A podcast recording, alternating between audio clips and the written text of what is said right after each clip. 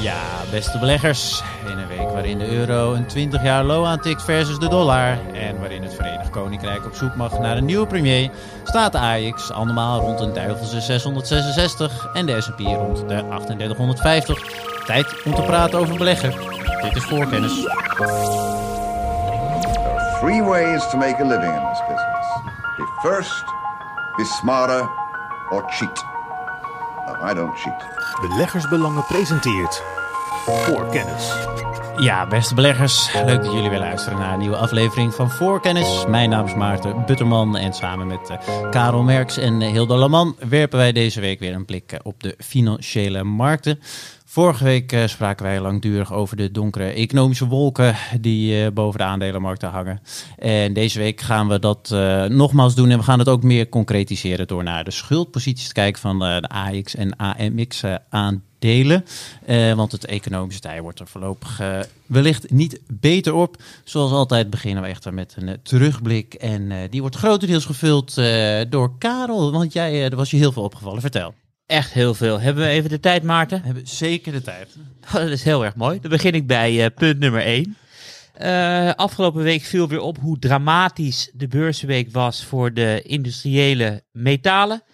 De koersverloop uh, over de afgelopen 12 weken zijn inmiddels opgelopen tot de, de hoogste sinds 2008.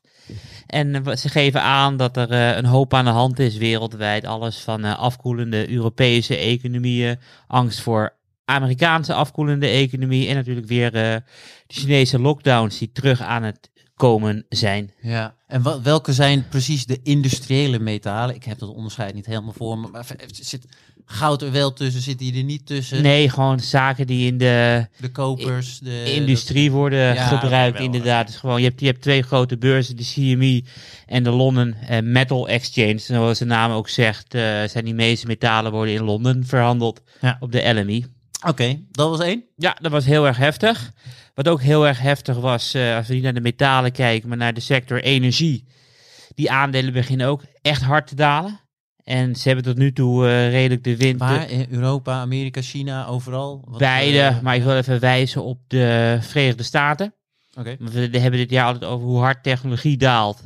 Maar op dit moment uh, daalt energie nog sneller dan technologie. Want als we gaan kijken vanaf het hoogste stand van het jaar dan is de XLE, de Amerikaanse energie-ETF, uh, 27,8% gedaald vanaf de high. Mm. En de XLK, die technologie volgt, uh, staat 27% onder de high. Ja. Dus uh, nou ja, eerst was het de energie die alles nog overeind hield. En die valt nu ook naar beneden. Nou ja, de laatste groep aandelen die volgens mij nog goed presteren zijn defensie-aandelen, maar het worden er steeds minder. Ja, want tech, Hildo, uh, terwijl onze tech-specialist altijd fijn dat je daarnaast zit, dat, uh, dat daalt nog wel zo, wordt dat minder, wat uh, ik zag van die chippers die blijven bewegelijk van hier tot Gunter, ja, is die, er een beetje... chippers, dat, ja, dat wordt gezien als bijna de ultieme cyclische aandelen, wat wat mij betreft niet helemaal terecht is, wel gedeeltelijk, maar niet, niet meer zoveel als vroeger, maar is een ander verhaal. Hm.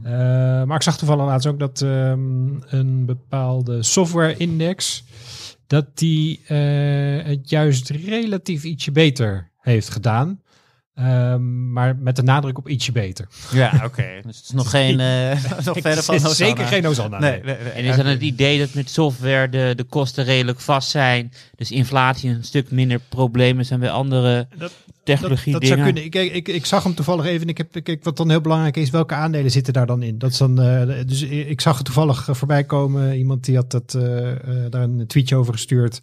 Uh, en ik vond het wel interessant. Ik ben er verder niet op, op ingegaan. Want het is dus heel belangrijk om even te kijken welke aandelen zitten dan in die index. Mm -hmm. en dan kun je inderdaad goed gaan kijken van, nou ja, wat is, ligt daar dan te, te grondslag aan? En het kan ja. inderdaad, het voordeel van, van softwarebedrijven is dat ze vaak, tegenwoordig althans, met abonnementenmodel werken. Ja. En dus dat, uh, dat beleggers denken van ja, de, de kans dat, um, dat zij een relatief stabiele inkomstenstroom blijven hebben, ook in moeilijkere tijden, is groter dan uh, bij een, bijvoorbeeld het verkopen van hardware. En ook denk meer een zakelijk segment uh, voor een groot deel uh, voor softwarebedrijven. En het zijn tot ook. dusver de consumenten die echt uh, voor problemen zorgen. Tenminste de consumenten aangeven. ja, maar tegelijk, kijk wat je natuurlijk ook hebt is dat bedrijven, zeker voor de grote softwarebedrijven, zijn bedrijven natuurlijk wel een hele belangrijke klantengroep. Ja.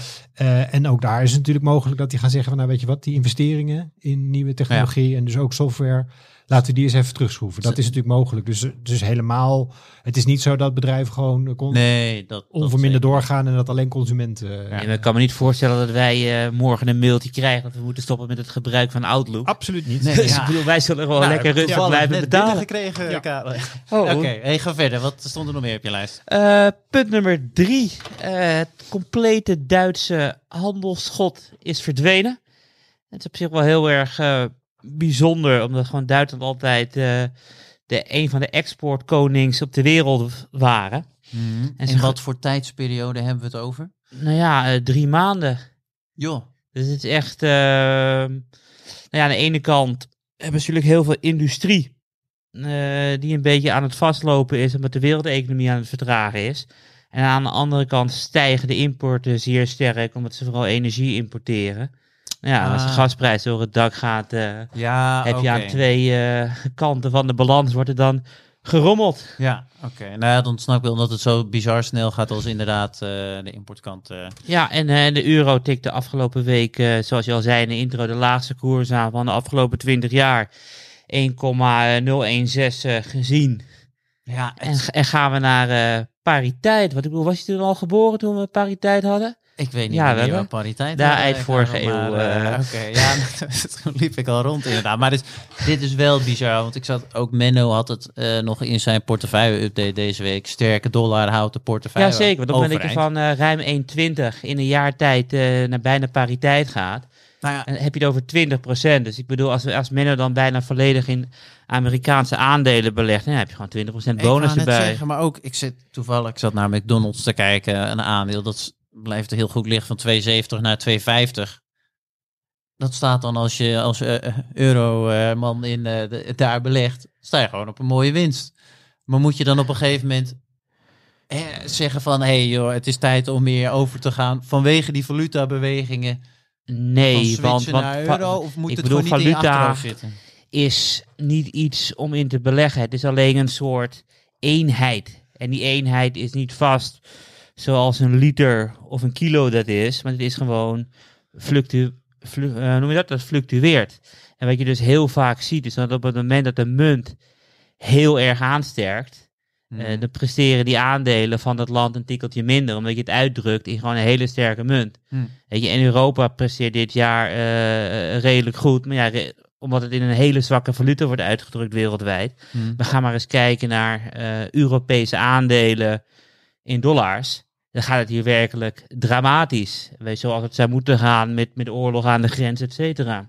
Oké. Dus, dus ik denk dat... Op Hildo eh Schut, eh, ja, zit je veel in Amerika of niet? eh toevallig met Mm, voor, ja, wel een redelijk, ja. Ik heb-? Ik heb eh, al meerdere malen eh, Ja. artikelen geschreven waarin ik Zonder zei van ja, zorg dat je niet, niet dat je ook voor een gedeelte met je portefeuille in de, in de VS zit. En dit bevestigt het wat mij betreft alleen maar. Dus ik zie, eh, ik zie geen reden om dat nu te veranderen of dat nu juist ineens te gaan doen. Dat had je wat mij betreft al eerder moeten doen. Ja. Eh, al was, eh, en het is natuurlijk ook zo, kijk, Amerika is natuurlijk internationaal gezien, het is met afstand gewoon de grootste economie. En voor de beurs ehm, is Amerika gewoon het belangrijkste land. En dan kun je wel zeggen van, nou, ik blijf lekker in Nederland, maar dan mis je gewoon een hele hoop. En de Ja. risico's zijn een heel stuk lager. Want ik bedoel, wij zijn in Europa bang eh, dat Rusland misschien het gas gaat afsluiten. Maar als je dan kijkt wie de grootste olieproducent op de wereld is, dat is de Verenigde Staten. ja. Dus ik bedoel, die kunnen ook gewoon met, eh, wat is het nu op dit moment, 12,5 miljoen vaten olie per dag die naar boven worden gehaald. Eh, zijn, zich ook gewoon, zijn er de risico's een stuk lager dan bij ons. Ja, ja, het is een vrij zelfvoorzienend land eh, wat dat betreft ook. Oké, eh, tot zover de euro. Had je nog meer eigenlijk? We zijn op de helft. We hebben drie van de zes punten eh, behandeld. eh. ik bedoel, het was een heftige beursweek. Popcorn halen. Zeker, dat mag. En een van de dingen waar ik kijk met popcorn is onder andere de Move Index. Wat een bruggetje. En de Move Index meet voor Amerikaanse obligaties eh, wat de fix meet voor eh, Amerikaanse aandelen. Ja. ja. En de Move is nu gestegen naar de hoogste stand eh, van sinds maart 2020. Dus die obligatiebeleggers worden echt heel erg onrustig in bedrijfsobligaties en high yield. En je ziet die spread ook oplopen. En als je dan kijkt naar de afgelopen 30 jaar, dan valt die fix en die Move Index gewoon altijd over elkaar heen. Behalve nu. Dus ja, er kunnen, kunnen twee dingen gebeuren. Of die move, die gaat weer dalen. Of de fix, de bewegelijkheid van de S&P gaat weer flink stijgen. Dus die, dat gat wordt altijd gesloten. En ik ben heel nieuwsgierig hoe dat gaat. En afgelopen week dus gewoon de hoogste stand sinds maart 2020. Dus er gebeurt echt eh, een hoop op de financiële Ja, markten. Maar hoe, maar dan ook wanneer. Ik eh, even vooruitgaande dat het inderdaad gebeurt, kan het ook nog over een hele lange tijdspan zijn. Ja, maar meestal is het wel binnen één of twee maanden. Want het kan niet zo zijn dat de obligatiebeleggers heel erg onrustig zijn. Hmm. En, en dat het niet overslaat eh, naar de aandelenmarkt. Nee, eh, Stefan, eh, voor de luisteraars kan ook nog, als je vorige week niet geluisterd hebt, ook die noemde inderdaad de aantallen en de bewegingen op de obligatiemarkt. Om en nabij eh, minuut 30 zeg ik uit mijn hoofd. En dat was inderdaad eh, bizar. Oké, tot zover die beweging. Eh, wat ik ook echt bijna op dagbasis volg, zijn de Duitse energieprijzen.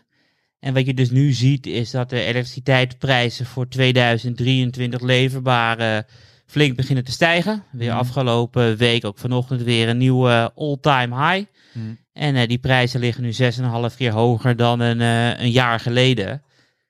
Dus ja, dat gaat ook niet heel het goed. is bizar, want dat hakt natuurlijk weer in het bedrijfsleven en in de consumentenuitgaven. Klopt, er wordt ook over plannen gesproken van wat gebeurt er als het gas wordt afgesloten of überhaupt. Ja. hoe en wanneer gaan overheden hier eh, op een gegeven moment ook ingrijpen? Ja, dat gebeurde er al. Ik geloof dat Duitsland een drie eh, een stappenplan heeft. En vorige week werd stap 2 eh, gelanceerd. Dus er wordt wel heel erg serieus rekening mee gehouden van eh, Ja. dat dit mogelijk mis eh, kan gaan. De meest afhankelijke van de eurolanden volgens mij van het Russische gas, toch? Klopt, terwijl. Italië scoort ook wel heel hoog hoor. Oh, lekker. Dat, die, he- die hebben al zo'n stabiele situatie daar met de rentes die eh, stijgen. Niet alleen het tekort aan water, maar ook. Nee, ja, ook nog eens inderdaad. Eh, Oké, Maar eh, wel een lekkere warme zomer. dat zonder meer, eh, dat zonder meer.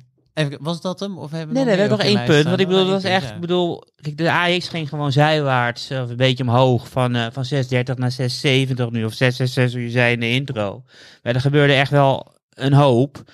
Want als je dan kijkt naar de Zwitserse bank eh, Credit Suisse, die daalde tot de laagste koers eh, sinds de jaren 80. Dus die is gewoon door de low van 2008 gezakt, door de low van, eh, van 2020. En als je dan Maar kijkt... die is dat Credit Suisse, was dat ook niet die helemaal diep in het, hoe heette dat, dat Capital, Archstone Capital eh, ja, genoeg ik in de war? fraude Ja, die en eh, knijterhard genoeg aan de hand daarom. Maar het is altijd een bank met eh, groot een speler, market ja. cap van 14 miljard. Dus het is Ja. nog geen kleine jongen. Ja. Weet je, en de credit default swaps, die obligaties eh, verzekeren tegen wanbetaling, tegen tot de hoogste stand sinds, eh, sinds 2008. Van Credit Suisse? Ja, Of- klopt. Ja, pittig. Maar ja, op het moment dat je dan op een eh, 35 jaar loon noteert, Ja. is er wel wat aan de hand. Er is eh, zeker eh, wat aan de hand. Leuk, die stond nog niet op je Nou ja, het is niet heel leuk, Dus je bent, maar- Nee, maar eh, ik zag hem niet aankomen. Heel goed. Oké, we gaan nog even naar het blad. Deze week zijn onder andere de redactietips voor bijgekomen. Elk jaar eh, onze vaste redacteur, in ieder geval noemen ze een aantal beleggingen waarvan eh, ze veel verwachten. Ja, die gaan ook eh, logischerwijs met de markt mee naar beneden. Leek me wel leuk om er even een paar in ieder geval te behandelen. Hildo, ik zag bij jou onder andere Bunch voorbij. Oh, Bungen. Ja, ik vroeg me eigenlijk al af hoe ik het moest uitspreken. Ja, je voor de eh, uitzending Het is, vragen. het is van oorsprong Nederlands, dus het is een Nederlandse naam. Dus je hoeft Eh, niet aan Bungie of zo te Nee, denken. Oh, dan, eh, ja, heel goed. Bungen. Nou, ik, Ja, ik kijk, Bungie zou in deze markt een ook hele wel weer een leuke leuke betekenis hebben. Maar ja, zeker. Ik vond, nee, ik vond het destijds een hele leuke tip eigenlijk van het bedrijf. Vertel nog even kort wat het doet eh, en wat de koers heeft gedaan. eh, zij verwerken en handelen eh, in allerlei agrarische eh, grondstoffen. Eh, dus eh, allerlei oliën, maar ook melen. ehm, en, dat, en dat doen ze eigenlijk op heel veel plekken in de wereld. In, uiteraard in Noord-Amerika, waar, waar het hoofdkantoor nu ook staat. maar Hm. ook Zuid-Amerika en Europa zijn op heel veel plekken actief. Ehm, en dat is, eh, de laatste jaren gaat dat gewoon heel erg goed. Eh, eh, de gestegen prijzen die helpen heel erg mee. Ja. Uh, maar wat bijvoorbeeld ook hen heel erg helpt, zijn de biobrandstoffen. Ja, want dat was met name, brandstoffen, dat, dat ja. heeft een flinke vlucht genomen. Um, en nou, op allerlei manieren gaat het nu gewoon heel erg goed met dat bedrijf. Ja. En, um, en wat, je, kijk, wat je dus, ja, de, de koers heeft, is flink gestegen uh, in, het, in, zou maar zeggen, in, in de begin. eerste periode van de tip. Ja. Maar de laatste paar maanden is het, uh, ja, dat is ongetwijfeld al vaker voorbij gekomen op allerlei plekken. Maar die, de, de commoditiesmarkten, de ja. grondstoffenmarkten, die zijn, nou, ik denk in zes weken tijd of zo, hebben die echt flinke klappen gekregen. En dan zie je gewoon dat dit soort grondstofgerelateerde aandelen, die gaan gewoon mee. Ja. Ik zag het inderdaad, grafiek Dus de, eh, de, de winst die was, eh, eh, voor mijn redactietip voor, voor dat aandeel is voor een flink deel weer verdwenen. Het enige wat me overeind houdt is volgens mij de, de euro-dollar. eh, Oké, de wisselkoers ja, die nou zorgt ja, ervoor dat er nog een plusje eh, staat. Op naar pariteit. Dus het is jammer, maar goed. Het, Plus is mooi in deze markt, heel. ja.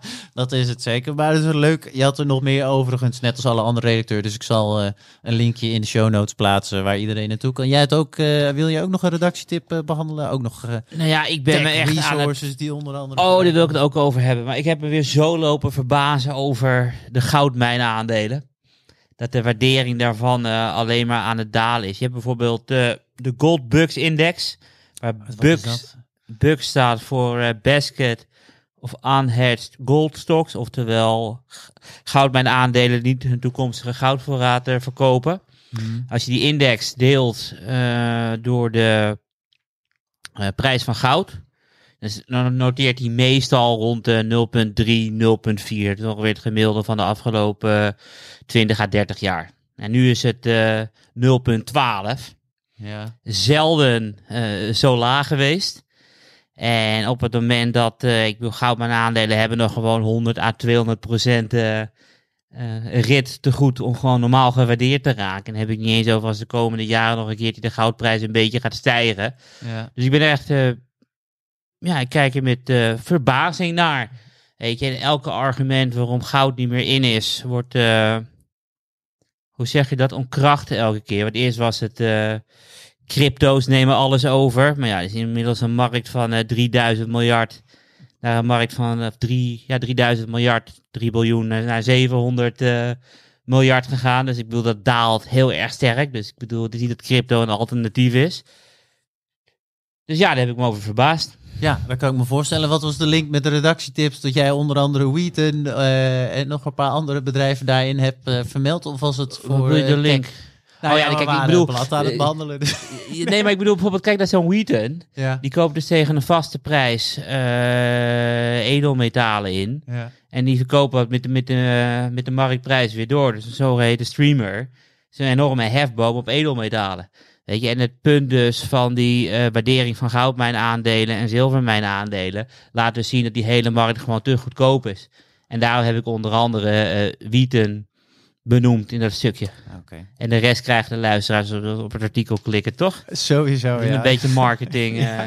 Heel goed. Ze zijn allemaal te Ik vinden ben in niet op die show drukken. Maarten. Ik, heb nog, eh, ik wil nog even tech resources behandelen in het blad. Ik bedoel, waar Wat fijn dat je hier naar kijkt. Dat is inderdaad wel goed. Ik had hem bijna ingedrukt voor het Ja, geluidje, joh, ik maar bedoel, tech research. eh, nee, maar er ligt zoveel aan de hand. Ik, bedoel, ik kijk nu ook naar eh, de prijs van, van steenkool.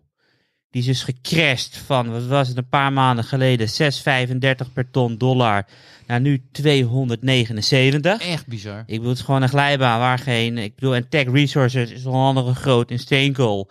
Maar Ja. hoe dan is er even, want ik neem aan dat de vraag naar steenkool toch gegroeid is alleen maar gegeven wat ja, er dat in zijn onder Rusland andere gebeurt. speculanten dat gewoon denken aan een hele diepe recessie tegemoet. Hm, toch. En wat ook natuurlijk wel eens helpt, van wie is de grootste eh grondstofopkoper in de wereld, is China. Ja. op het moment dat je daar weer zware lockdowns Ja, gaat doen en iedereen testen, Ja. dan stoppen ze meteen met het opkopen van, van grondstoffen. Nou ja, en op het moment dat je grondstoffen even niet nodig hebt, het is er wel op de veiling is het er, dan daalt die prijs. Ja. Dus ik denk dat het voorkomen eh, on- onterecht is. Ik, en Tech Resources is een bedrijf dat over tientallen jaren ook nog eh, eh, in de markt wil zijn. Dus ze zijn nu aan het switchen van, van steenkool naar eh, koper. Dus Mm. ze hebben eh, hele grote kopermijnen gekocht die de komende jaren de productie gaat starten. Maar ja, kijk je de koperprijs van, van 500 cent per pond Amerikaans naar, naar 3,37.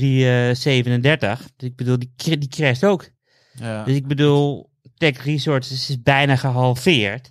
Ja, als die wereldwijde Ook recessie... wel zwaar opgelopen daarvoor natuurlijk. Hè? Hij is zwaar opgelopen eh, daarvoor. Maar ondanks dat denk ik nog steeds dat we in de toekomst een energietekort hebben. En die wereldwijde recessie is ingeprijsd. Dus als die wereldwijde recessie komt, Ja. dan is dit gewoon een ideaal aandeel van mensen die nog geen grondstoffen in de portefeuille hebben. Alright. Tot eh, komen we er ook ongetwijfeld nog een keer op terug. Want het is nu de tijd om eh, wel de knop in te drukken. Voorkennis. Want eh, er is weer genoeg gebeurd eigenlijk eh, elke week wel. Maar ook nu weer eh, liet de vet van zich horen. Karel heeft er graag naar gekeken, want er is weer een document uitgekomen. En dat moet je als belegger lezen. Dat is in ieder geval zeker de mening van Karel. Dus die heeft het ook gedaan. En er kwamen ja, nuttige dingen uit. Karel, vertel. Ja, we hebben natuurlijk twee weken geleden hebben de vet gehad. 75 basispunten de rente verhoogd. Dat is leuk, maar misschien kijk ik nog wel meer uit naar de notulen. En die worden twee weken later eh, gepubliceerd. En dan kan je kijken hoe dat rentebesluit eh, tot stand is gekomen. Dus ik heb even het document downgeload op mijn computer. Even met de code Ctrl-F ge... Ja? De, notulen even, want het is dus eh, het verslag van de wat vergadering. er Hoeveel wordt. mensen zitten er bij die vergadering? Zijn het al die lokale vet? Eh, Ja, ja, die lokale. Je hebt er geloof ik 12 members. Kunnen we op terugkomen? En, ja? en dan de, de New York Fed mag er elke keer bij zitten. En elke staat heeft zijn eigen vet en dat roleert dan door. Oké, dus dat even voor de eh, beeldvorming van het verslag. Ja, dus ik heb even Ctrl-F gebruikt om te kijken van hoe vaak welke woorden gebruikt worden. ik heb ze niet allemaal geteld. En wat Vernuftig. blijkt, het woord inflation, inflatie, is 90 keer gebruikt in de notulen. Mhm. Wat echt een hoop is. En het Ik weet niet hoe groot de notulen zijn. Ja, drie, vier pagina's. Oké, ja. Dus ik bedoel, het ging alleen over inflatie. Ik heb ook gezocht op recession. ja. Nul. Ja. Dus ik bedoel, het hele stuk ging echt alleen maar eh, over inflatie. ja. En uiteraard het stuk eh, ook doorgelezen. En wat ik het meest opvallende vond, is dat ze zeiden van ja, het is echt een heel groot risico als die inflatie niet naar beneden gaat. Want we hebben gezegd dat we er wat aan gaan doen. Eh, en het kan niet zo zijn dat het publiek het vertrouwen in ons eh, instituut gaat verliezen. Dus we gaan echt inflatie Maar naar beneden krijgen. Ik wou, ook, ja, ik wou net zeggen, is dat dan de reden van zijn ze nou bang voor de inflatie of dat het publiek eh, niet meer hen geloofwaardig acht? Maar ongeacht gaan Ja, flink op de rem het dus- probleem is een beetje, het probleem werd heel goed duidelijk gemaakt een paar maanden geleden door Charlie Munger, de rechterhand van Warren Buffett. Die zei van het gevaarlijkste op de wereld eh, is een nucleaire oorlog. En vlak daaronder staat de inflatie die niet meer weggaat. Dus er werd gevraagd van ja, waarom zei, zegt u dat, eh, meneer Charlie Munger? En hij zei van ja, inflatie is de manier waarop democratieën eindigden. Hij, gaf allemaal voorbeelden van Latijns-Amerika, het Romeinse Rijk, Rijk en hoe aan Hitler eh, aan de macht kwam. Dus ja, Het is wel een sombere vergelijking meteen, maar je kwam eruit. Dus de inflatie in ieder geval een flink gevaar, ja, ook ja, het eh, door de ogen hard van hoor. Ik bedoel, ja, het op gaat het moment dat je gewoon elk jaar 8% van de koopkracht verliest en de lonen stijgen niet mee. Mhm. Weet je, en de pensioenen worden nauwelijks geïnteresseerd, ge- geïndexeerd. Dan gaat het heel hard. Ja. En vaak zie je dan wel dat er wat leiders worden gekozen die wat verder eh, van het midden zitten. Dus wat minder de, de mainstream politieke leiders. Mhm. En wat minder leiders die voor stabiliteit zorgen. Ik ben op zich wel mee eens dat we niet zo lang door kunnen gaan met dit soort inflatiepercentages. Nee, want Biden had een tijdje geleden ook een paal tussen haakjes op het matje geroepen. Maar hebben in ieder geval een goed gesprek gehad omdat de midterms eh daar aankomen. ja, dat, dat, ik bedoel, dat is nooit uitgekomen. maar ik denk dat dat de reden is. Want ik bedoel, wat ik ook geloof ik een half jaar geleden zei in voorkennis. Ik vind het heel goed dat je dat eh, onthouden hebt, maar daar ben ik onder de indruk van. Is dat normaal wordt een, eh, een, een vet herbenoeming vindt altijd in augustus plaats. Mhm. Nu werd het pas eh, in november. Mhm. Nee, dus ik denk dat Biden gewoon gezegd heeft van ja, je wordt alleen herbenoemd op het moment dat je die inflatie onder controle kan gaan. En dan in november werd ook nog een, een vrouwelijke eh, concurrent uitgenodigd om Powell nog wat extra onder druk te zetten. Ja. Dus ik denk dat eh, de inflatie, weet je, kijk, weet je wat het is? Wall Street is de 1%. Inflatie is de volledige Amerikaanse bevolking En het natuurlijk. En- begint nu echt iedereen te raken ook. Dat, eh, ja, klopt. En ik merk het ook in mijn omgeving van gewoon mensen die niks met beleggen te maken hebben. eh, niks met beleggen hebben, wel zien dat de prijzen Ja. aan het stijgen zijn. En die vinden dat echt niet leuk. Hey, wat stond er nog meer in de notulen wat eh, verder opviel? 90 keer het woord inflatie. in Nou ja, kijk, dat is het belangrijkste. Het, gewoon, die inflatie wordt gewoon eh, het allerbelangrijkste. Je, en eerst zei hij altijd van we gaan richten op de, eh, de core. Dus Mhm. gewoon inflatie zonder energie en kleding. Mhm. Weet je, en nu even kort door de bocht kijkt hij gewoon naar de benzineprijzen bij de pomp als belangrijkste middel om te targeten. Ja, nou ja, goed, is natuurlijk ook een hap uit de portemonnee eh, voor Ja, velen. weet je, en ik ik bedoel, ben verder dus niet gesproken. Oh, ik kan me voorstellen dat ook op een gegeven moment toch banen eh, dat dat ergens genoemd wordt, want dat is zoals Stefan vorige week ook zei, toch ook een van de. Ja, ze hebben Mandaten twee eh, die, eh, mandaten, banen en inflatie. Ja. Alleen, eh, inflatie is gewoon nummer één. Ja, en de rest Echt het is nummer gewoon- gewoon één. echt knijterharde Weet je, het prioriteit. probleem is op het moment dat je nu zegt van ja, we gaan toch stoppen met die verkrappingen. En we gaan er toch voor eh, zorgen eh, dat we weer een renteverlaging gaan doen in QE. Dan gaat die inflatie reist de Ja. pan uit. Hey, dan ben ik ook nog benieuwd naar, want we hebben hier vorige week eh uitvoerig over gehad, dus blijf het niet te lang hangen. Maar eh, heeft het ten opzichte van wat je daarvoor al wist, van, heeft het je iets pessimistisch gemaakt over je verwachtingen? Eh, ben je anders gaan kijken naar specifieke, doordat je dit zo, echt dat het zo knijterhard geëxpliciteerd wordt van, nou, inflatie is echt de one and only. eh, het voor de time vervelende is van we we gaan er kort bij stilstaan. Alleen, eh, we hebben het hier al sinds januari over. Van Ja. hoe lang die inflatie hoog blijft, Ja. zal de Fed blijven verkrappen. En op het moment dat de Fed gaat verkrappen, dan willen ze demand destruction. Oftewel, ze willen gewoon een vraaguitval veroorzaken. Waardoor die vraaguitval daalt de inflatie. En zolang de inflatie hoog blijft, zal de Fed blijven verkrappen. Ja. Weet je, en eh, ik heb nog eventjes gekeken hoe de futures reageerden, de Fed futures reageerden op de notulen. Ja, Mhm. ja, over drie weken hebben we weer een, eh, een Fed-vergadering. Mhm. 100% kans van een renteverhoging van 50 basispunten. En we zitten nu op 88% kans op een verhoging van 75 basispunten. Dus het heeft me niet eh, eh, somberder gemaakt. Eh, het enige wat me somberder kan maken is volgende week 13e volgens mij, wanneer de inflatie, weer uitkomt. Ja. Dat, dat is alles. Da- daar draait het om. Oké, ik ga ook even naar Hildo. Eh, we hebben hier vorige week met Stefan en Karel hebben hier ook wel veel naar gekeken. Nou belegt iedere belegger eigenlijk op een eigen manier. Karel en Stefan die zitten wat dat betreft wel overwegend op dezelfde lijn van waar je naar moet kijken. In ieder geval, hoe kijk jij hier als belegger naar? Eh, is het allesomvattend voor jou? Eh, is het slechts Nou, een onderdeel? kijk, Karel heeft gelijk dat inflatie heel belangrijk is. Ehm, maar je moet ook niet vergeten dat eh, met de inflatiecijfers die we zijn, zi- steeds zien, die zijn, daar kijk je eigenlijk terug in de tijd. Want dat is eigenlijk Mhm. per definitie zo met macrocijfers. Mhm. Ehm, en ik ben gewoon heel benieuwd of, ehm, de, kijk, of een recessie, een eventuele recessie, of dat invloed gaat hebben op die, op die eh, inflatiecijfers. En ik vermoed van wel. Je ziet het ook al, waar Karel het net over zei. Je ziet het al in allerlei prijzen, eh, grondstofprijzen, maar bijvoorbeeld ook ehm, eh, containertransport. Dat, dat is al een tijdje aan het dalen. Mhm. Eh, en dat, dat zijn natuurlijk bronnen van inflatie. Kijk, hoe, hoe goedkoper grondstoffen worden, hoe goedkoper transport wordt, ehm, eh, hoe beter het is voor de, voor de, voor de prijzen. Eh, dus ik ben gewoon vooral benieuwd naar. eh, kijk, gek genoeg denk ik eh, dat een recessie dus eigenlijk wel goed zou kunnen zijn. om die inflatie terug te brengen. En eh, tegelijkertijd dat, zou- dat dus ook recessie goed nieuws kunnen zijn. ehm, voor de beurzen. Niet op korte termijn, maar wel op langere termijn. Want als die inflatie. Wat, wat vooral belangrijk is, is dat de inflatieverwachtingen getemperd worden.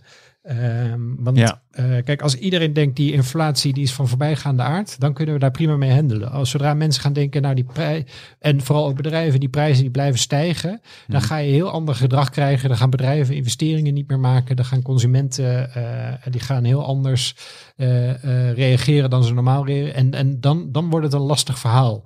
Ehm, dus ehm, ik ben op zich niet zo ehm, pessimistisch, moet ik zeggen. Ik denk, ik, het, ja, het Je hebt, je hebt nog, heb je in bepaalde sectoren of delen van je portefeuille misschien een kleine roer omgegooid? Of eh, is dat eh, nog wat te kort dag te vroeg? Of, Nee, nee kijk, ik, ik kijk heel erg naar de, de, de lange termijn. ja.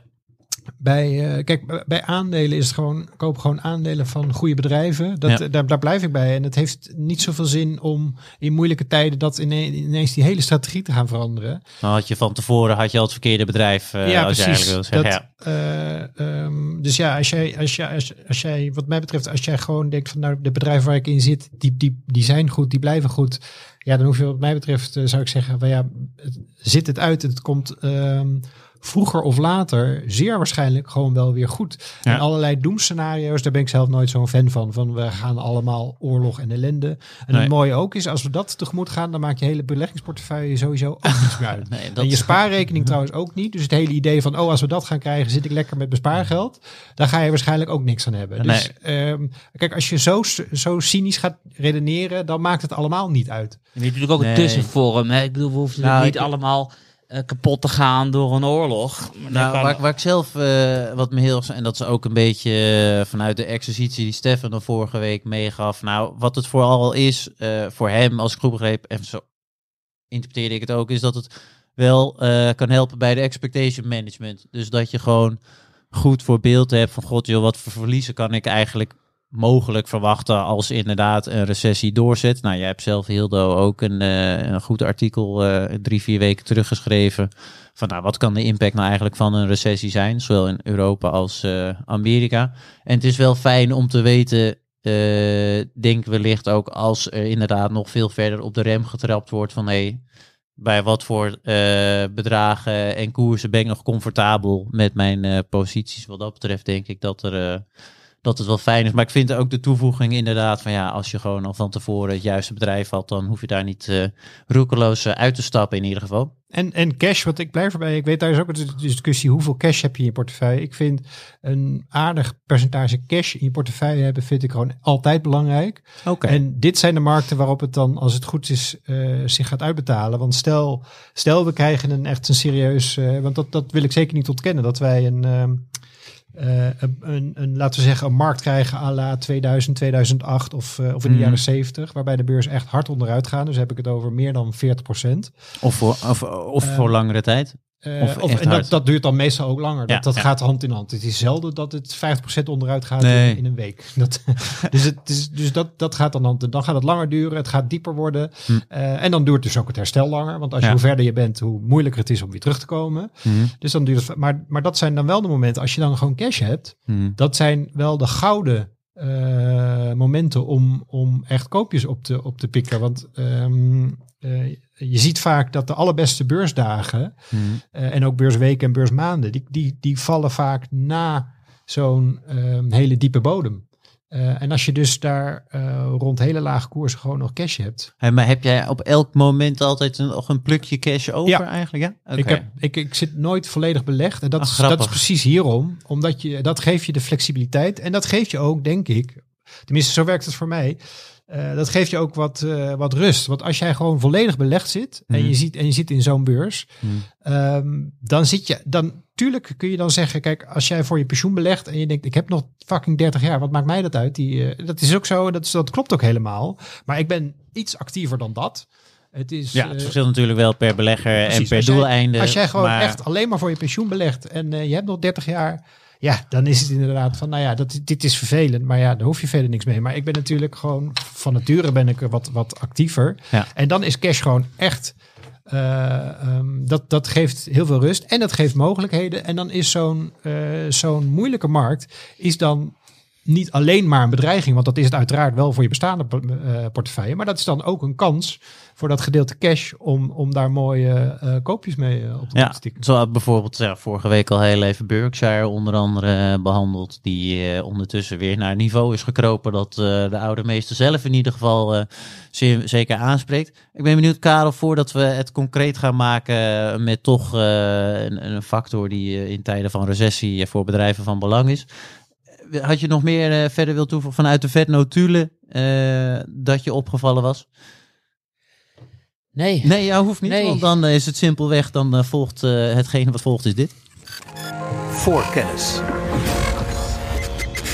Want eh, ja, Stefan eh, noemde vorige week eh, al in het gesprek een aantal factoren, zoals het eh, kijken naar de aandelen in sectoren van de waar- waarderingen wellicht niet al te hoog zijn, waar marktposities en winstverwachtingen ook oké zijn, maar ook onder andere het controleren van de schuldposities van bedrijven, want dat is in tijden van recessies, moeilijke tijden, zorgt dat mogelijk voor problemen.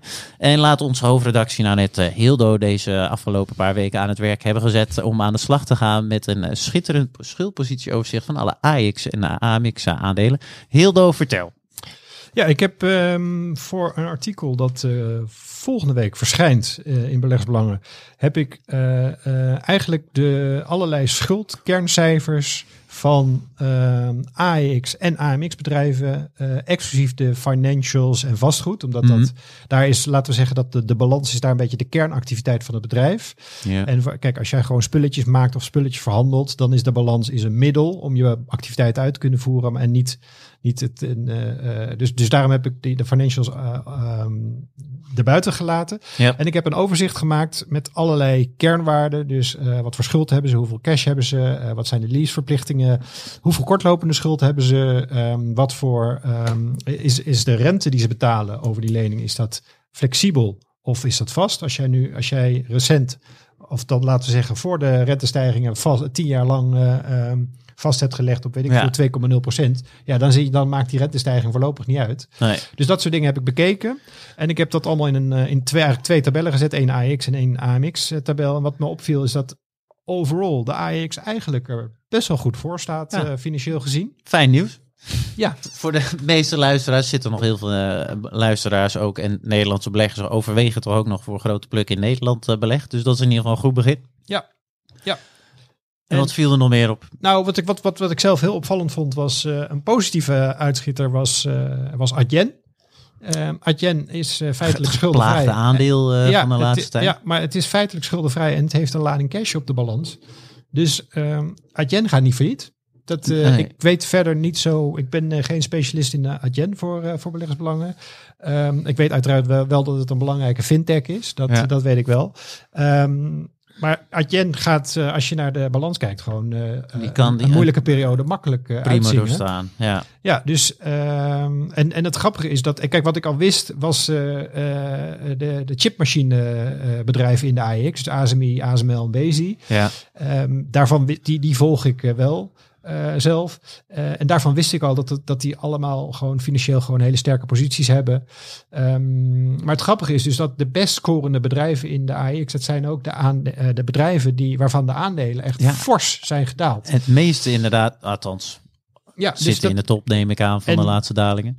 Ja, en kijk, wat, ik, wat mijn theorie een beetje is, is dat ehm, dit zijn bedrijven ehm, waar, de, waar de, cyclici, de cycliciteit groter is dan, noem maar bijvoorbeeld eh eh, Ahold Delhaize, een supermarkt. Ja. Ehm, en en dat is, die, die cycliciteit is natuurlijk niet nieuw. En dus dat banken en investeerders minder makkelijk geld uitlenen aan dat soort bedrijven of tegen eh, hogere rentes. En dat het dus voor die bedrijven, dat die, dat die de afgelopen decennia ehm, veel gedisciplineerder hebben moeten optreden wat betreft financiering. Dus dat ze, eh, Ah, dus ze beter op de balans hebben moeten letten. Want het Ja. valt mij op dat bijvoorbeeld Ahold Delhaize en Heineken en KPN en eh, eh, Unilever, dat die relatief hoge schuldposities hebben. Helemaal als je het vergelijkt met de, te- de technologiebedrijven Mhm. in de AEX. Eh, overigens niet ondraag, ondraagbaar, dat, dat is het niet. Maar die hebben een veel hogere schuldpositie. Waarschijnlijk omdat die rela- relatief stabiele eh, omzet- en, en winstcijfers hebben. En dus dat ze wegkomen met een relatief hoge schuldenlast. Omdat de banken en investeerders denken van, ach ja, ze zullen het toch wel terugbetalen. Heb jij, eh, Karel, jij zit eh, voor, voor onze Unilever onder andere. Ik weet niet of jij er zo eh, op dit moment paraat klaar hebt zitten hoe zij zitten wat betreft financieringen. Oeh, net debt EBITDA 2,2 zou ik 2,1. zeggen. Ik heb, ik, heb, ik heb de gemiddelde EBITDA van de Nou, afgelopen vijf Ik jaar. bedoel, 2,2 rekenen we dan wel goed toch, Hildo? Of- nee, of- die mag, mag, mag de plein mag erin. Oké, maar, en maar waarom, weet je toevallig, Nou, zit doel- het in officiële doel van Unilever is dat om het onder de, de 2 te krijgen. Oké. En je hebt Maar zie- is, dat, is, is dat, is dat eh, die- hebben zij eh, eh, moeite met eh, financieringen regelen? Gaat dat vrij makkelijk af? Of Nee. zit dat een beetje in de bedrijfsstructuur? kijk, het grote van, voordeel is niet? natuurlijk dat er ehm, elke dag bakken en bakken cash binnenkomen. Dus ze hebben een free cash flow van 8 miljard of zo afgelopen jaar. Eh, dus op het moment dat zij nieuwe leningen willen aangaan, dan komt Mhm. er zoveel cash binnen dat ze gewoon makkelijk die rentebetalingen kunnen doen. En het is niet zoals met, ja, noem eens een, eh, ja, Menno heeft een keertje zo'n zwembadaandeel eh Ja. getipt. Ja. Ik bedoel, op het moment dat je een diepe, op het moment dat je een diepe recessie hebt, dan koop je even geen zwembaden meer. Maar in een diepe recessie gaan er dan wel elke dag cashflows naar Unilever toe. Ja. En al die cashflows zorgen wel dat schulden heel goed draagbaar zijn. Dus ik maak me totaal niet zorgen. En ik wacht op... Nee, dat was ook niet... eh, Unilever ehm, heeft eh, vrijwel geen eh, leningen met een eh, variabele rente.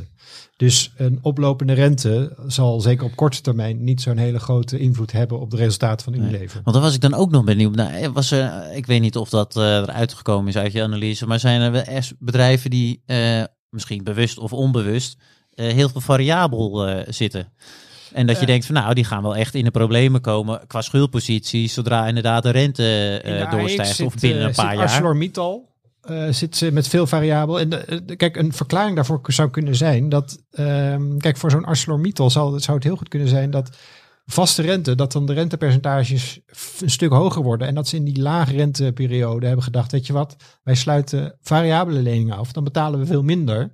Ja, En eh, in de, in, zolang die rente laag blijft, zit je dan goed. En het, het risico is dan natuurlijk wel, als de rente op gaat lopen, ja, dan ga je dus meer rente betalen. Dat betekent dus minder winst. Zo maar dan zullen het ook korter lopende leningen zijn, denk ik, eh, wellicht. Of, of is Ik, dat ik heb niet elke lening in Nee, daarom, dat kan ik me geen, dat is voorstellen, geen doen. die, eh, maar ze hebben inderdaad... eh, Het zou bij- het zijn, ja. Heel door alle leningen van Ja. alle Ajax. nee, dat is een onmogelijke Nee, opgave. ze hebben ehm, o- iets meer dan 45% van hun leningen moet eh, dit jaar, volgend jaar of in 2024 verlengd worden of Mhm. afgelost worden. Mhm.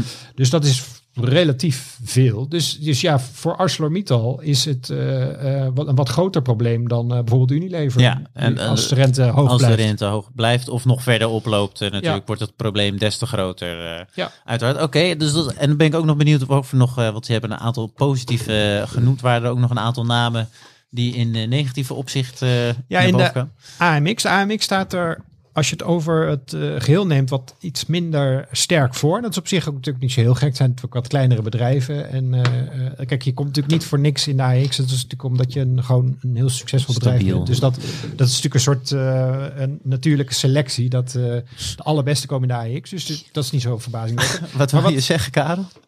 Nee, oké. Maar wat mij eh, eh, opviel in negatieve zin was eh, SBM Offshore. Die hebben een, een behoorlijk hoge schuldenlast. Ehm, de netto schuld, dus eh, met aftrek van, van de cash die ze hebben staan, is dat 6,6 miljard. Terwijl hun EBITDA de afgelopen vijf jaar zo rond de 900 miljoen schommelt. Dus die zitten op dik 7,5 keer eh, de EBITDA aan schuldenlast. En dat is, dat is behoorlijk hoog. En ook als je kijkt naar ehm, variabele rente, een groot deel van die schulden, daar betalen ze variabele rente over. Dus dan Mhm. ben je kwetsbaar voor stijgende rente. Ja. Ehm, eh, en het is ook nog zo, als je dan de, de rentelasten kijkt ten opzichte van de EBITDA, die, dat is natuurlijk ook hoog. Want ehm, eh, dat, dat is eh, 35 procent. Dus als zij eh, fors meer eh, rente gaan betalen, dan, eh, dan gaat die winst, daar, die gaat een enorme knauw krijgen. Eh, waardoor de, eh, win, de schuld-EBITDA-verhouding nog, so- sorry, de, de, de, die schuld nog en problematisch gaat worden. Want hoe, kijk, hoe meer geld je overhoudt, hoe makkelijker je kan aflossen. Had ik niet, dat was niet een naam die ik 1, 2, 3 had verwa- verwacht eigenlijk. Adyen en de, nou de chippers misschien wel, Adyen eigenlijk niet. Maar SBM Nee. had ik ook niet Nee, in dit ik rijtje. Je hebt ook- toch altijd wel een naam, Nee, en, of in ieder geval ehm, gevoelsmatig een stabiel... en ik, ik, ben, ik ben geen, absoluut geen specialist in, eh, in eh, SBM offshore. Uiteraard weet ik is wel ook wat maar één doen. factor natuurlijk, de schuldpositie. Die, eh, ik bedoel, Ja. er speelt nog veel meer bij het En, bedrijf. eh, kijk, wat, wat ik zelf zat te, denken, ik heb daar heel even gekeken. ehm, ik, kijk, ik weet dat zij offshore installaties leveren aan, aan olie-exploratiebedrijven, olie- en gas, energie-exploratiebedrijven. Ehm, en wat ik, wat ik wat vermoeden dat, wat ik heb, is dat het eigenlijk meer een soort leasemaatschappij is. Dan Hmm. dat het echt een soort, laten we zeggen, een productie- of handelsmaatschappij is. Dus dat zij die installaties ehm, kopen, maken, wat dan ook. En die voor lange tijd verhuren Mhm. aan bedrijven die dus op zee eh, olie of gas aan het, eh, aan het eh, winnen Ja. zijn. En ze zijn trouwens ook eh, en dat is, dat is meer voor de toekomst. Zij, ehm, zij zijn ook bezig om drijvende windmoleninstallaties ehm, te gaan leveren. Ja. Dus die bij drijvende windmolenparken worden. Maar eh, gaan die dan varen naar waar het waait? Ik, ik, zoals ik al zei, ik, ben, ik, heb, ik heb daar geen, eh, eh, geen eh, specifieke kennis van. Het, waar, kijk, wat natuurlijk zo wel zo is, is Misschien dat per seizoen. Ik vind het wel een hele goede vraag ja. Ja. nou ja, de beschikbare ruimte aan de kust is natuurlijk, directe kust is natuurlijk beperkt. Ja. Ehm, dus, dus, maar goed, dat, daar weet ik allemaal ni- niet zo heel veel van. Maar dat is het vermoeden wat ik heb. Dus dat het misschien meer lijkt op een, laten we zeggen, een investeringsmaatschappij of, Ja. een, of een Of financial. dat, of dat het in ieder geval een deel, groot Eh, deel dus van dat- het bedrijf is. dat ze eigenlijk gewoon dat leasen, ja, dan, dan is het logisch dat je heel veel geld leent om die dingen aan te kunnen schaffen. En Ja. dan vervolgens ga je ze voor, bijvoorbeeld, weet ik veel, 10, 20 jaar verhuren. Ja. Ja, dan is het logisch dat jij hele hoge leningen hebt. Ehm, dus dat, dat zou een mogelijke verklaring eh, eh, Kunnen zijn. kunnen zijn van, eh, van die positie. Nog andere die eh, opvielen? Ja, In eh, negatieve in zin dan? ja, er zijn een aantal. Kijk, in Air France kan ik me voorstellen Air overigens. France, ja. Maar Air France heeft dus al, want die hebben er nu eh, bij de laatste meting hebben die een enorme cash eh, op de hoeveelheid op de balans staan. Die zijn er zo bezig met, want ze hebben voor mij laatst een lening aan de Nederlandse staat afgelost. Ze zullen ongetwijfeld ook een lening aan de Franse staat dan ook aflossen of al afgelost hebben. Dus die zijn, die zijn al bezig. Eh, dus daar is het pijn voor, voor, voor de pijn voor beleggers is al voor. Kijk, ja, ik zeggen, dus kan je het gevolg van een eventuele slechte schuldpositie, Ja, kan dus- je daar al in de koers terugzien. eh. Dus die, eh, die vallen in een aantal maatstaven vallen ze heel erg mee. Wat je nog wel ziet is de rentebetalingen zijn nog steeds wel vrij hoog. En ze hebben een behoorlijke eh, bedrag aan leaseverplichtingen uitstaan. Maar dat komt door die toestellingen. Heel, heel veel van die toestellen die worden gewoon geleased.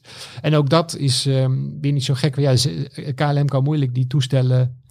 Air France KLM kan moeilijk die toestellen wegdoen. Want dan hebben ze gewoon geen bedrijf meer. Dus ehm, ja, het is nog steeds... eh, is die, die, die financiering... ehm, je ja, moet ook is- wel, dus met de cijfers moet je echt wel eh, het bedrijf in het achterhoofd houden Ja. en kijken van god. Ja, en, en bijvoorbeeld Basic Fit, dat vond ik ook wel een opvallende. En, eh, Waarom? Kijk, nou, die, die staan ook vrij slecht voor. Maar die hebben natuurlijk, eh, denk ik, een paar slechte jaren achter de rug. En dat is natuurlijk niet goed voor je balans.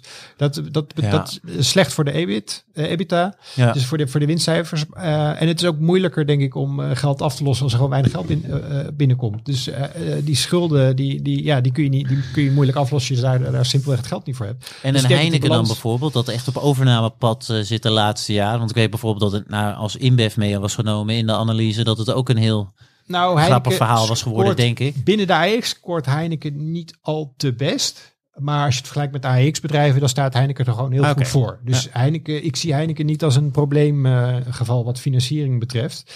Zeker niet. eh, ze hebben ehm, eigenlijk geen variabele renteleningen. Dus, dus, dus, eh, er wordt daar gewoon op de afdeling financiën wordt er gewoon goed op gelet. Ja. Eh, dus ik zie bij Heineken zie ik geen eh, problemen. Maar vergeleken met Adyen of ASML staan ze er een stuk slechter voor. Maar dat is, dat is allemaal relatief. Maar over Heineken maakt me ook niet zo'n ehm, zo'n zorgen, Zorgen. verder. Nee, vanuit de schuldpositie bezien in, eh, in ieder geval.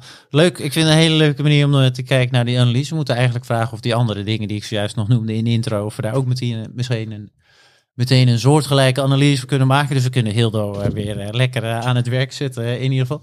Vanaf volgende week dan eh, is het in ieder geval terug te lezen vanaf woensdag op de website en eh, vanaf donderdag eh, in het blad.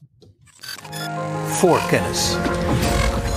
Gaan we nog even kort eh vooruitblikken naar de, de komende weken. Daar begin ik met Hildo. Ik eh, weet niet eigenlijk of jij eh, iets eh, op de planning hebt staan waar je naar gaat kijken. Nou, wat, eh, Ka- eh, Karel die heeft het net al even genoemd. Eh, er komen hele belangrijke Amerikaanse inflatiecijfers eh, uit. Inflatie over juni. eh, hebben we volgende week. Dat, is een heel, dat zal een hele belangrijke zijn. In ieder geval op korte termijn. Ehm, voor de markten. Vallen die mee, dan zul je, vermoed ik, dan krijg je een positieve reactie. En hoe lang dat duurt, dat is dan in tweede. Maar vallen die tegen, dan ga je geheid een eh, negatieve reactie zien. Want inflatie, eh, ja, het is net op, ja, dat bepaalt gewoon heel veel op dit moment. Dus dat Ja. is een hele belangrijke op korte termijn. En iets langer eh, termijn, ik ben heel erg benieuwd naar de, mm, naar de halfjaarcijfers van bedrijven. We gaan eind, vanaf vol, eind volgende week gaan we denk ik echt het bedrijfscijferseizoen in. Wanneer ASML is vaak een van de eerste. Wanneer, Nou, eh, Tom is in dit geval eh, Oh, Tom net Tom, wat ja. eerder. Die komt vrijdag al. Eh, maar Tom Tom is natuurlijk niet echt het meest leidende bedrijf. Daar zal de wereld niet naar kijken. Denk. Nee, ik denk niet dat. ik denk niet dat dat. Eh, dus ASML, eh, eh, die is over, laten we zeggen, woensdag al over anderhalf, twee Ja. weken. de, de En twintigste. Beetje bij beetje. Dus dat, meer. dat is een hele be- belangrijke. Maar er, zijn- er zijn er wel meer. En dan ben ik vooral benieuwd naar ehm, wat de verwachting voor het derde kwartaal eh, gaan worden. Of je daar iets in terugziet van, van ehm, het, laten we zeggen, het eh, niet al te beste sentiment. Nee. eh, niet alleen op de beurzen, maar ook bij consumenten. En eh, gaat dat doorwerken in de, eh, in de bedrijfsverwachtingen voor het derde kwartaal en voor de rest van het jaar? Komen de winstwaarschuwingen aan, de ja of nee? Daar ben ik echt benieuwd. Karel, waar eh, kijk jij helemaal naar? Nou ja, of er in juli een gesprek gaat komen tussen de Amerikaanse president Biden en eh, Mohammed bin Salman, also known as eh, MBS. De, Dat is een eh, fijne vent voor de mediasector, waar wij ja, onszelf klopt. in Na de. Verenigde Staten is Saoedi-Arabië de grootste olieproducent op de wereld. Biden wil die inflatie naar beneden krijgen. Nou ja, olie in dat land, Saudi-Arabië, is nog steeds heel eenvoudig te winnen. Dus gaan daar eh, de kranen open. Daar ben ik heel erg nieuwsgierig naar. Wa- waar, waarom eh, zijn er geruchten dat dat gesprek Nou ja, kijk, er, beginnen? er- er is een, eh, er is een eh, congres waar meerdere landen komen, Ah, waaronder oké. Saoedi-Arabië. Ja. En de Rodolf zei dat er waarschijnlijk in een achterkamertje gesproken wordt door Biden. En eh heeft natuurlijk ook allemaal met die vermoorde journalisten te maken. Dus het ligt allemaal wel erg gevoelig daar zo. Zeker. Het wordt een achterkamer. eh, Dus ik ben heel nieuwsgierig eh, of dat doorgaat. Nou ja, natuurlijk ook altijd tussen 11 juli en 21 juli het jaarlijkse onderhoud eh, aan de Nord Stream 1 eh, pijpleiding. Ehm, uiteraard belangrijk. Want dit is een heel mooi moment om de gastoevoer naar Europa af te snijden. Want die, Rusland moet sowieso eh, de gasleveranties even stilleggen. Dat gebeurt elk jaar om onderhoud te plegen. Mm. En de vraag is, gaat daarna gewoon het gas eh, weer naar Europa stromen? En het is eigenlijk Ja. uiteraard essentieel voor de Europese Het is, economie. eh, bizar. Ik las, wat was het volgens mij? Goldman Sachs denkt dat hij dicht blijft. Ja, maar ook gewoon, mocht dat hij eh dicht draait, dat het, de economische impact echt gigantisch was. Ook echt in eh, GDP, wat is de Nederlandse... BNP, daarvan? bruto binnenlands product, denk ik dat Ja, je en voor Europa dat er gewoon echt met, ik weet niet, ik ga geen aantallen noemen, maar groot was het in ieder geval. Het staat eh, ergens in het blad deze week.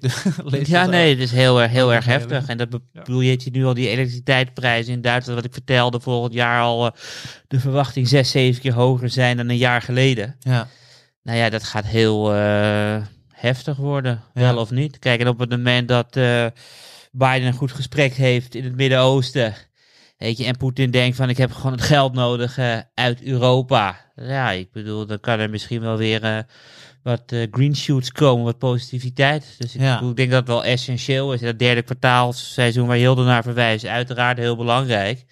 Maar ja, dat kan ook gemaakt en gekraakt worden door die beslissing in het Midden-Oosten en over de Nord Stream 1 pijpleiding. nee, En ik heb geen flauw idee hoe dat zal gaan verlopen, dus ik kijk ernaar. nee, en we komen daar ongetwijfeld tot En uiteraard, nog eh, eh, heel mooi eh, op een briefje voor mij gezet zomerplanning. Ja, dat mag je niet vergeten. Nee, nou, ik wilde, bedoel je daarmee op dat ik even moet aankondigen dat wij de Ja, wat zomer wat- in plaats van wat- reguliere uitzending gaan wij dividend, eh, of dividend, gaan wij alle portefeuilles met de beheerders één op één behandelen. Ja, En het is ook het idee dat luisteraars vragen daarvoor kunnen Klopt. insturen. En dat kan dan naar, eh, wat is het, voorkennis eh, Eh, en beleggersbelangen.nl. ja klopt helemaal. En volgens mij beginnen we volgende week meteen met de meest succesvolle portefeuille. Een van de langstlopende eh Menno Nou, met de dividend, dat geloof ik. volgende week was, maar eh, we gaan vanaf de zo'n 14e. vakantie beginnen. Nou, heel leuk. Dus, eh bij deze stuur, de vragen in, hoe in.